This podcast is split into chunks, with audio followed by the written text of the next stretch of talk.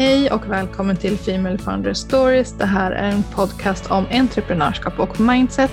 Idag sitter jag här med Hedda Båvred Olsson och hon har grundat Lassi. Så jag lämnar över frågan till dig Hedda. Hur kommer det sig att du driver Lassi och vad är det för någonting?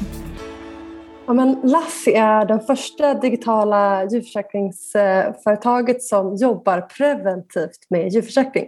Jag har alltid älskat djur, jag är uppvuxen med både hundar, katter och hästar och min mamma är veterinär. Så det var just därför som jag fick idén till Lassi, för eftersom att min mamma är veterinär så hade vi väldigt lite skador.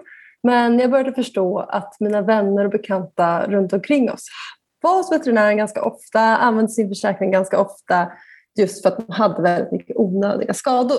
Så det var egentligen det som drev mig till att jag tyckte att försäkringsbolagen också borde hjälpa till att undvika skadorna, inte bara finnas där när de väl har hänt. Så det gjorde att jag för drygt ett år sedan eh, började skissa på idén till Lassie. Driver du det själv eller med eh, andra? men jag hade idén själv. I, jag tror det var, jag hade den 2019.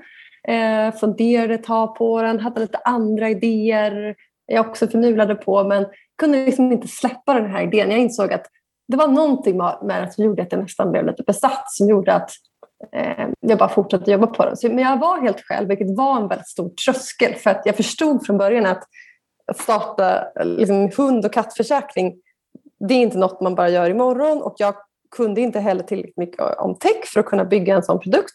Och även om jag hade bra kunskap om djur och hade jobbat lite i försäkringsbranschen tidigare så kunde jag absolut inte tillräckligt mycket om djurförsäkring. Så jag insåg ganska tidigt att jag behövde hitta en expert inom djurförsäkringar och en eh, tech-expert som kunde bygga hela produkten. Så att efter mycket om och men så hittade jag Sofie Wilkinson som har varit för detta chef för djurförsäkringar på If och Johan Jönsson som är eh, utvecklare och har jobbat på Spotify och eh, King och så vidare, men också hundägare. Så att eh, vi blev ett team i augusti förra året eh, och ehm, nu är vi tio anställda snart. Men eh, först var jag själv. Oh, wow, vilken snabb eh, utveckling ändå.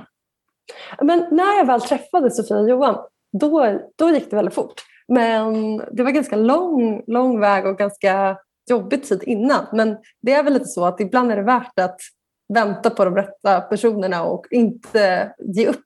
Det är liksom, när jag ser tillbaka till det efterhand, är så här, hur kunde jag fortsätta så länge själv? Um, kan jag fråga mig själv. Men jag är glad att jag gjorde det. Men när det, väl, det var värt att vänta på de rätta. För att uh, sen har det gått fort. Det har varit superkul.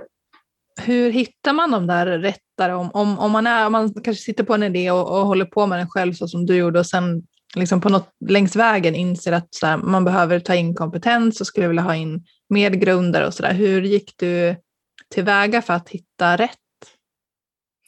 Ja, alltså det finns säkert massa sätt att göra det på. Det som jag gjorde var att jag faktiskt var, jag bestämde mig att jag skulle inte vara hemlig med det jag höll på med utan jag, jag berättade för folk jag träffade. Jag mm. bad om hjälp. Så jag försökte fundera på vilka jag kände som kanske kunde känna någon i försäkringsbranschen eller techbranschen. För jag själv hade väldigt dåligt nätverk i båda de branscherna. Så varje gång jag träffade någon, jag kunde vara på en eh, semester eller på en eh, fika med en kompis eller Eh, skrev helt ogenerat till folk på LinkedIn som jag var lite halvbekanta med och frågade om tips. Så att både Sofia och Johan kom genom gemensamma bekantas tips. Jag kände inte någon av dem innan, men de kom att jag liksom frågade runt. Så att jag frågade hela tiden. Känner du någon utvecklare eller känner du någon som kan djurförsäkring?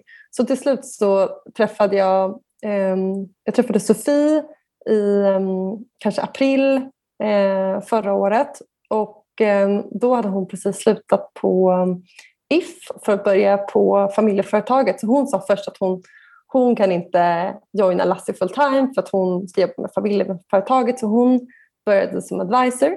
Men sen så um, eh, allt eftersom tiden gick så blev hon så engagerad så då, då joinade hon faktiskt som en medgrundare. Och Johan Jönsson var också genom att jag var faktiskt på en semester och bara Eh, lite random i bilen på vägen hem så berättade jag vad jag höll på med och att jag letade efter en utvecklare. De var så men du, jag har en kompis som han älskar djur och han är uppvuxen med djur och varit lite inne på försäkringar och han är intresserad av startups.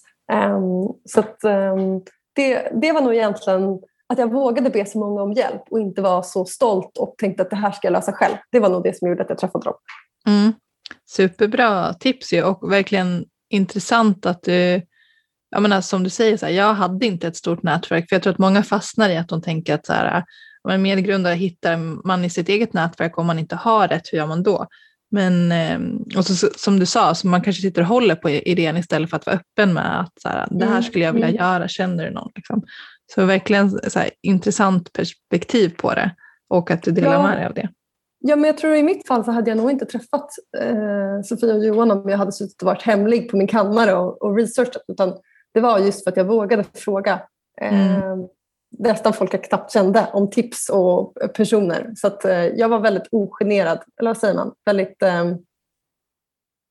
eh, oblyg att mm. fråga om hjälp där. Och det tror jag verkligen gjorde att jag träffade dem.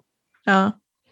Men när du skulle köra igång med den här idén som du fick innan du hade träffat dem, vad var det som fick dig att ta steget? För du var inne lite på att du var så besatt, men fanns det ingenting i dig som kände så här, ska jag göra det här, våga göra det här? Ehm, fanns det liksom några sådana tveksamheter eller kände du direkt att så här, det är den här idén jag ska springa på? Men jag tror att jag hade haft några idéer tidigare. Jag hade jobbat, vet, gjort lite intervjuer, kanske gjort lite snabba tester. Så jag hade haft några idéer innan. Men jag märkte att jag på tidigare idéer så var det alltid så att det gick en eller två veckor och så hittade jag någonting, någon nackdel med idéerna och så, eller så tröttnade jag lite på den. Och här så insåg jag att även om jag hittat ett saker som var svårt eller nackdelar så, så tröttnade jag inte. Jag hade bara den här outtömliga energin, det som jag nästan kallar besatthet. Och för mig var det ett väldigt tydligt tecken på att det var inte så att jag satt och gjorde, tog ett, på riktigt ett beslut att nu ska jag köra utan jag bara märkte att jag hade ju redan bestämt mig. För att så fort jag hade en, en ledig tid så började jag Liksom researcha och googla eller skriva till folk på LinkedIn. Så jag märkte att jag bara hade det, det drivet kring idén som jag kanske hade saknat på andra grejer. Så fort jag fick en tröskel eller något svårt var jag så här, nej men jag hänger med en kompis eller jag gör något annat istället. Men här så kände jag inte så. Så det var ett väldigt tydligt tecken för mig.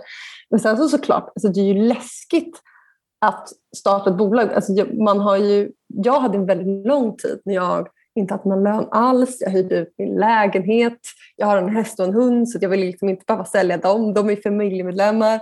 Mm. Ehm, och liksom hade ingen lön. Jag, jag, konsultade någon dag i veckan och var verkligen så drog ner på kostnader. Det var såklart det var läskigt. Men för mig så jag var lite det skedet i livet där jag kände att men jag har inga barn just nu. Det spelar i och för sig ingen roll man har. Men Ehm, jag kände att nu ändå, om det är någon gång jag ska leva, kan leva väldigt magert så är det ändå nu. Mm. Och så, så, jag brukar alltid när jag tycker att det är svåra beslut så brukar jag tänka vad hade Hedda 90 tyckt? Hade hon tyckt det var bättre att testa och misslyckas? Till exempel bli av med lite pengar och bli av med lite lön. Eller är det bättre att köra på det säkra kortet?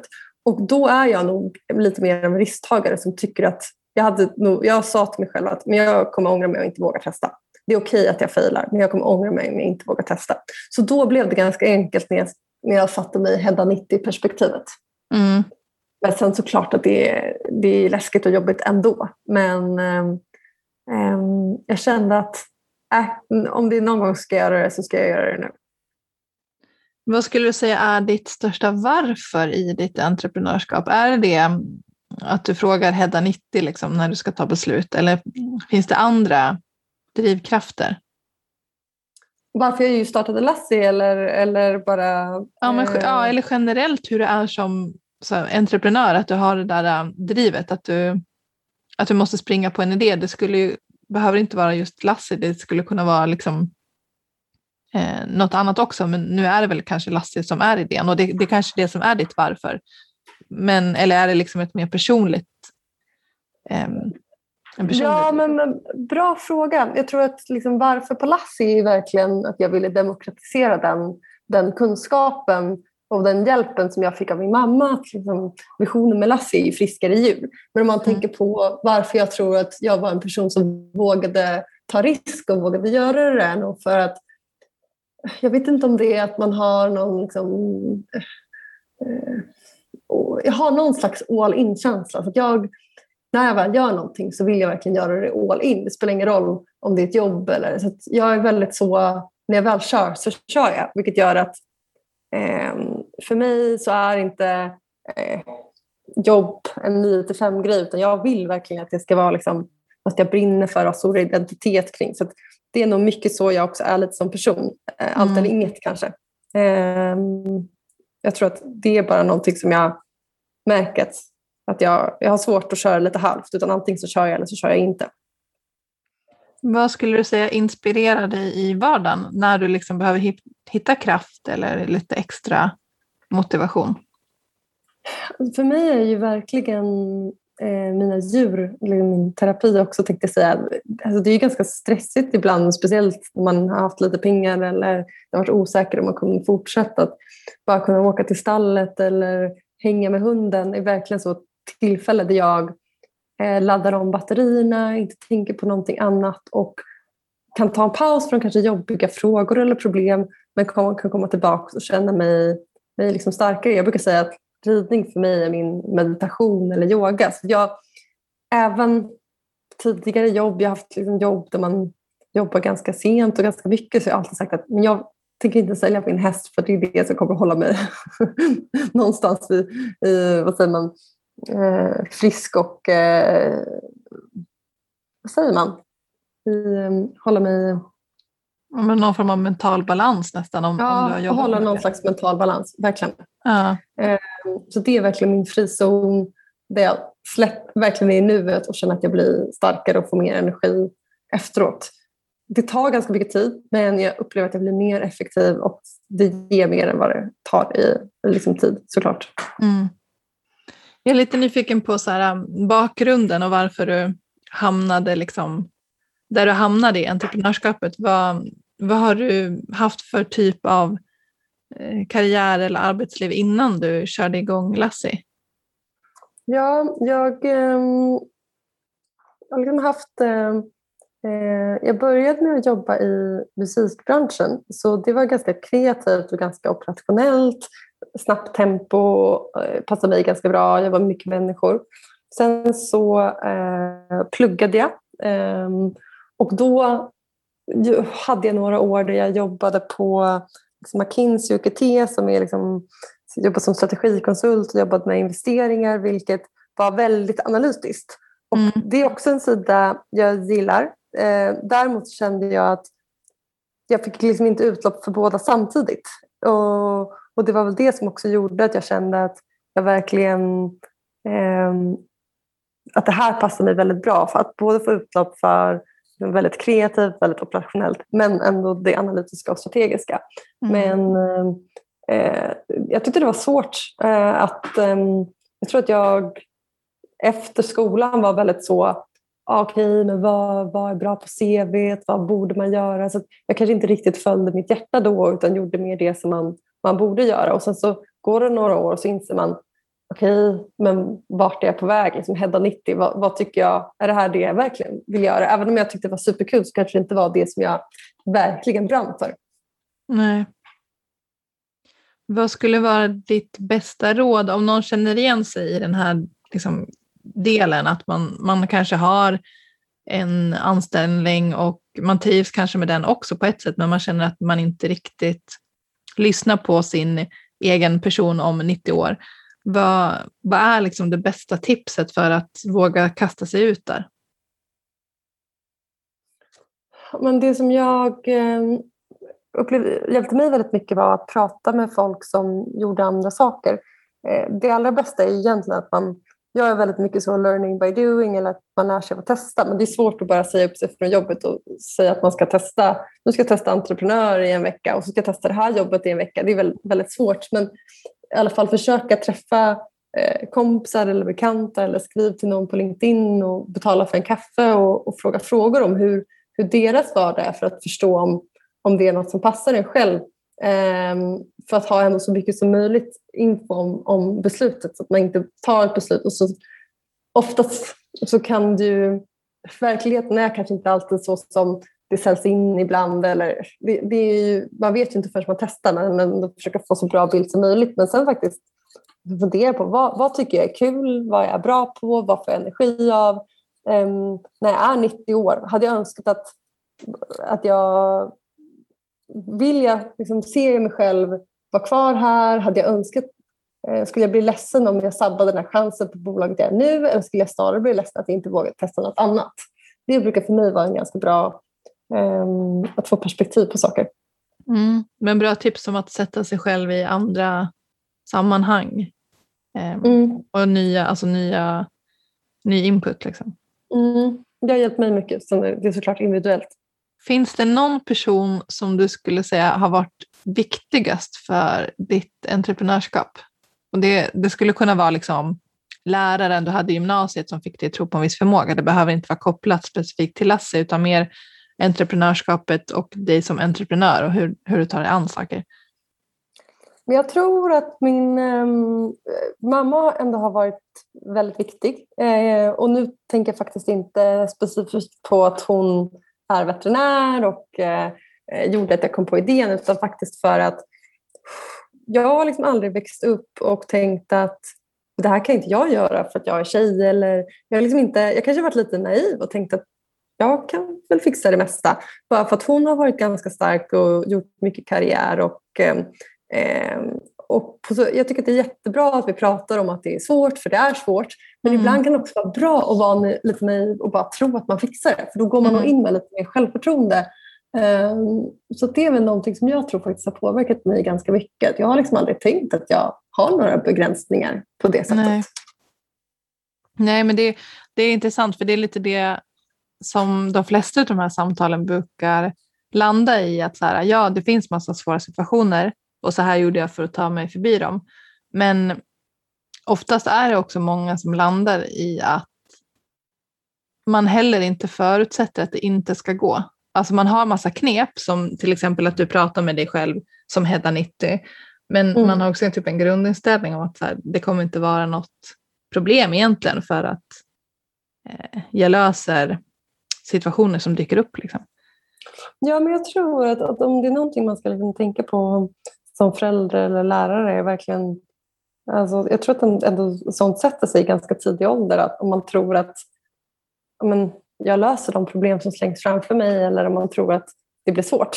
Mm. Eh, så där har jag nog haft tur. att Jag har haft en eh, förälder som i alla fall inte har jag vet inte, jag, har inte pratat om att det inte skulle gå. Eller jag har bara alltid känt att det är väl klart jag fixar det på något mm. sätt.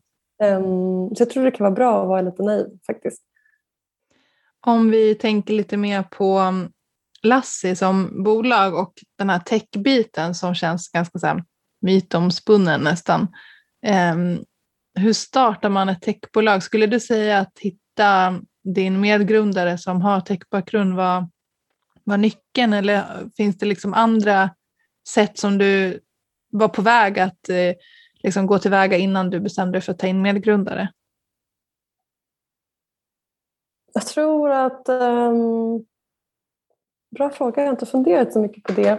Um, det finns ju såklart andra vägar där man kan uh, ha konsulter som gör utvecklingen så du behöver inte vara medgrundare eller man kanske köper in um, någon plattform eller så. Men jag tror att vår idé var ganska specifik kring att vi ville liksom belöna preventivt beteende så man skulle kunna samla Ehm, poäng i appen när man lärde sig mer om sitt djur och man lärde sig preventiva saker eller vaccinationer som sen skulle kunna leda till billigare försäkring.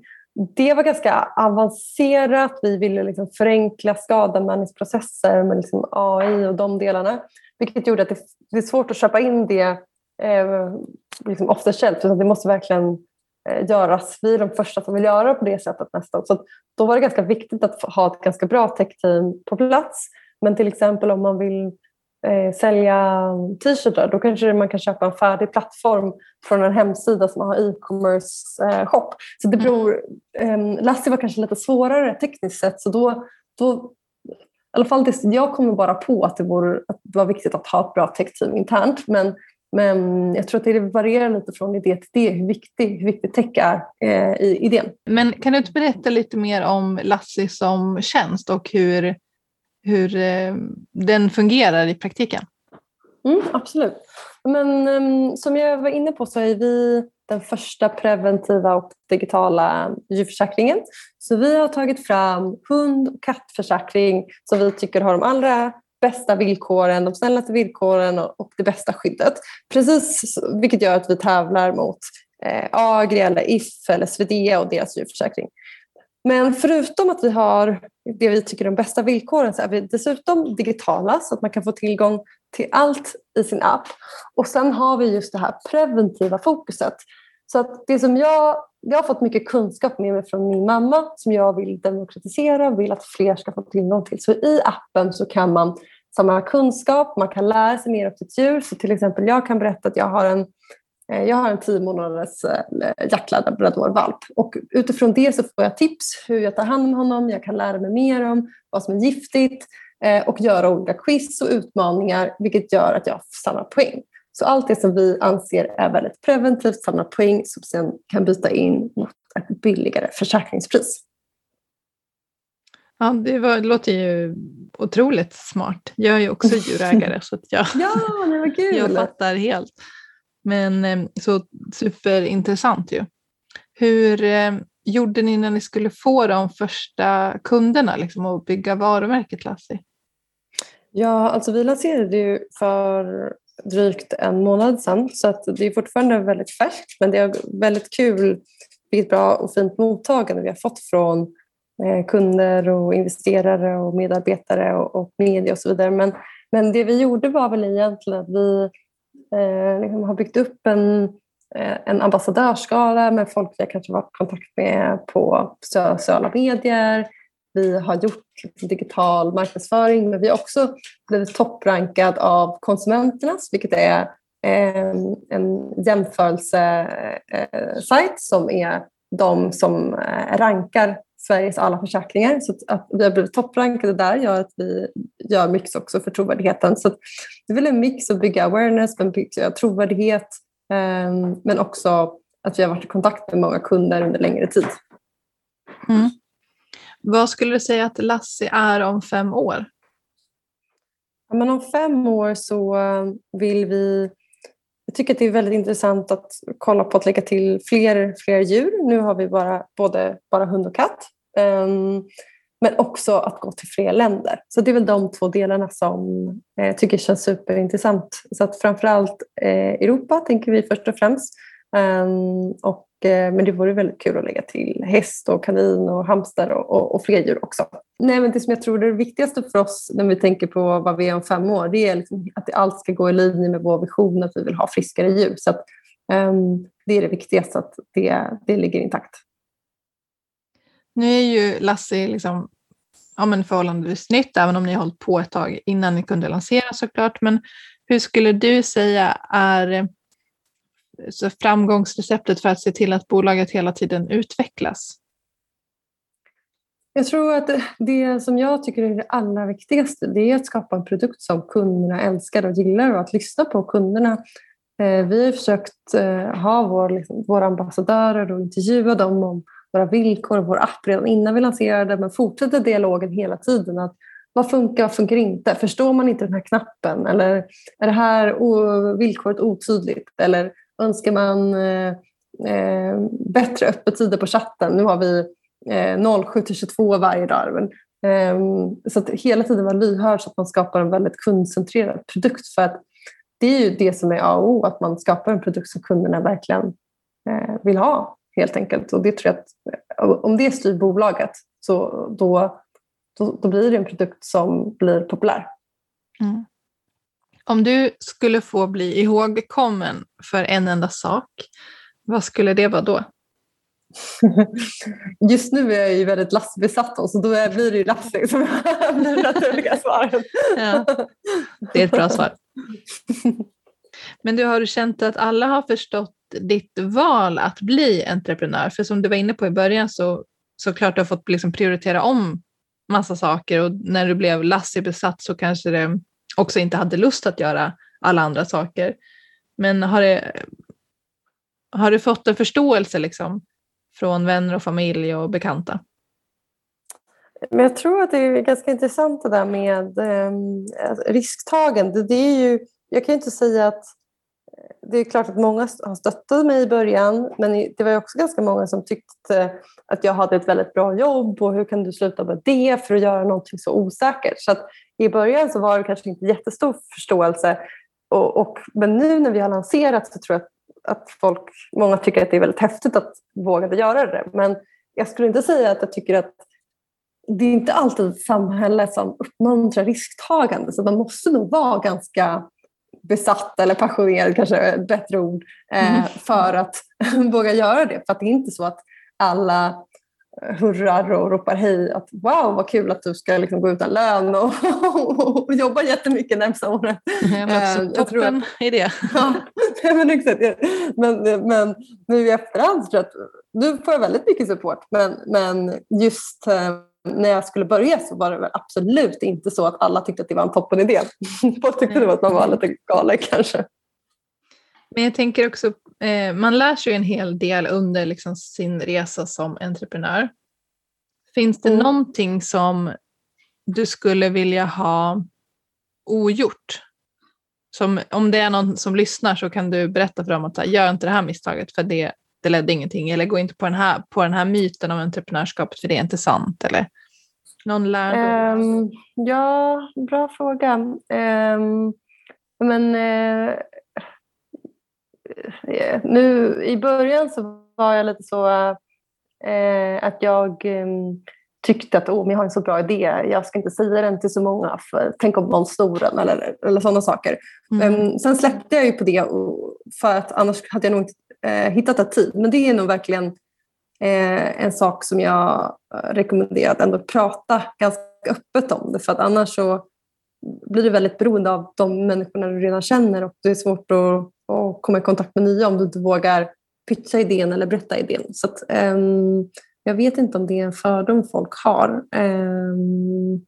Ja, men, nej, men lite ändå, för jag, jag tror att många sitter och håller på idéer just av, av den anledningen du nämner. Och därför tyckte jag det var så intressant när du berättade att det gick så fort när du väl liksom, började våga berätta om det, att du hittade liksom, de personerna du behövde för att förverkliga det.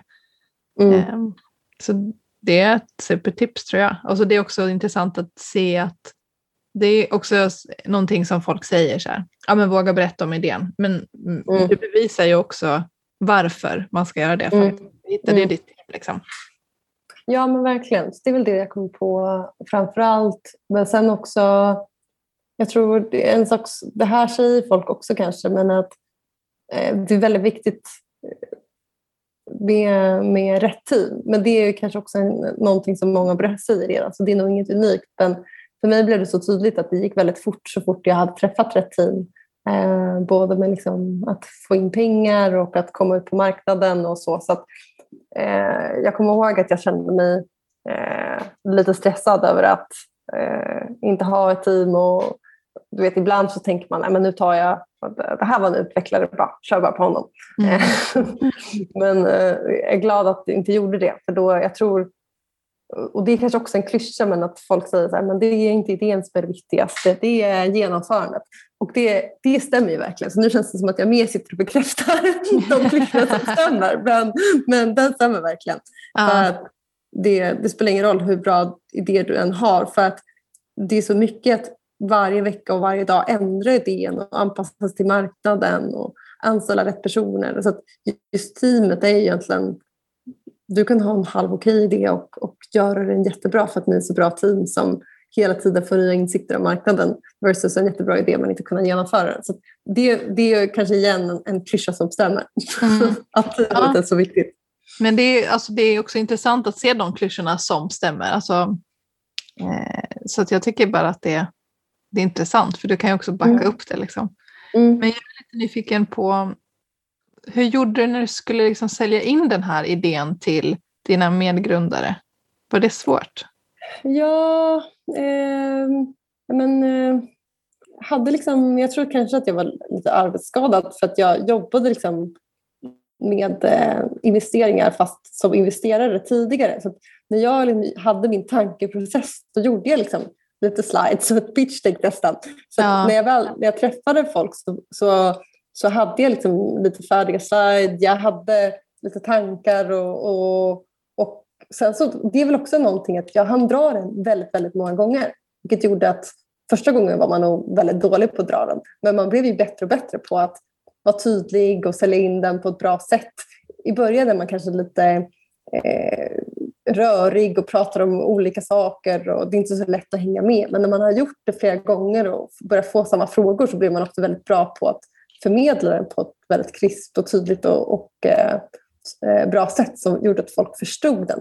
För det var väl det svåraste tyckte jag i början att det var så mycket jag ville göra och det var, det var digitalt och sen så var det hela preventiva och att det var svårt att förklara det på ett tydligt sätt. Eh, men, och det kan jag fortfarande tycka, men, men ju fler gånger du gör det desto bättre blir du på att berätta idén.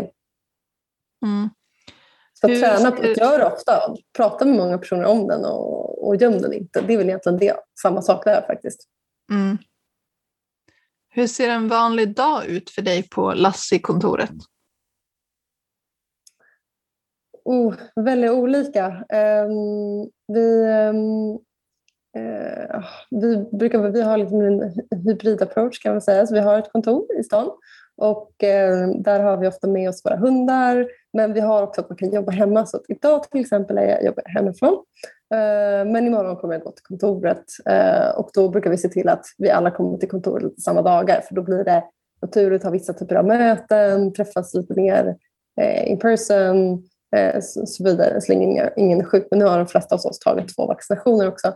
Men eh, vi har väl en del liksom, veckomöten kring ja, saker som är viktigt. Liksom, allt från marknadsföring till planera appen och tech. Men sen, sen så handlar det väldigt mycket om att eh, nu lägger vi alla väldigt mycket tid eh, på att prata med kunder. Vi tycker att det är så kul att sitta i chatten. Vi har chatten uppe dygnet runt. Så vi, vi sitter nästan dygnet runt och hjälps åt alla i teamet att svara på kundfrågor. Så det, det har ändrats ganska mycket från att vi gick live från att det var planeringsstad.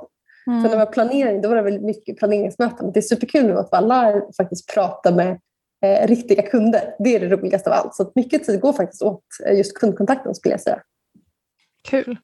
Men du, om man lyssnar på det här och blir nyfiken på Lassie, vart kan man hitta er någonstans på sociala medier och eh, internet generellt?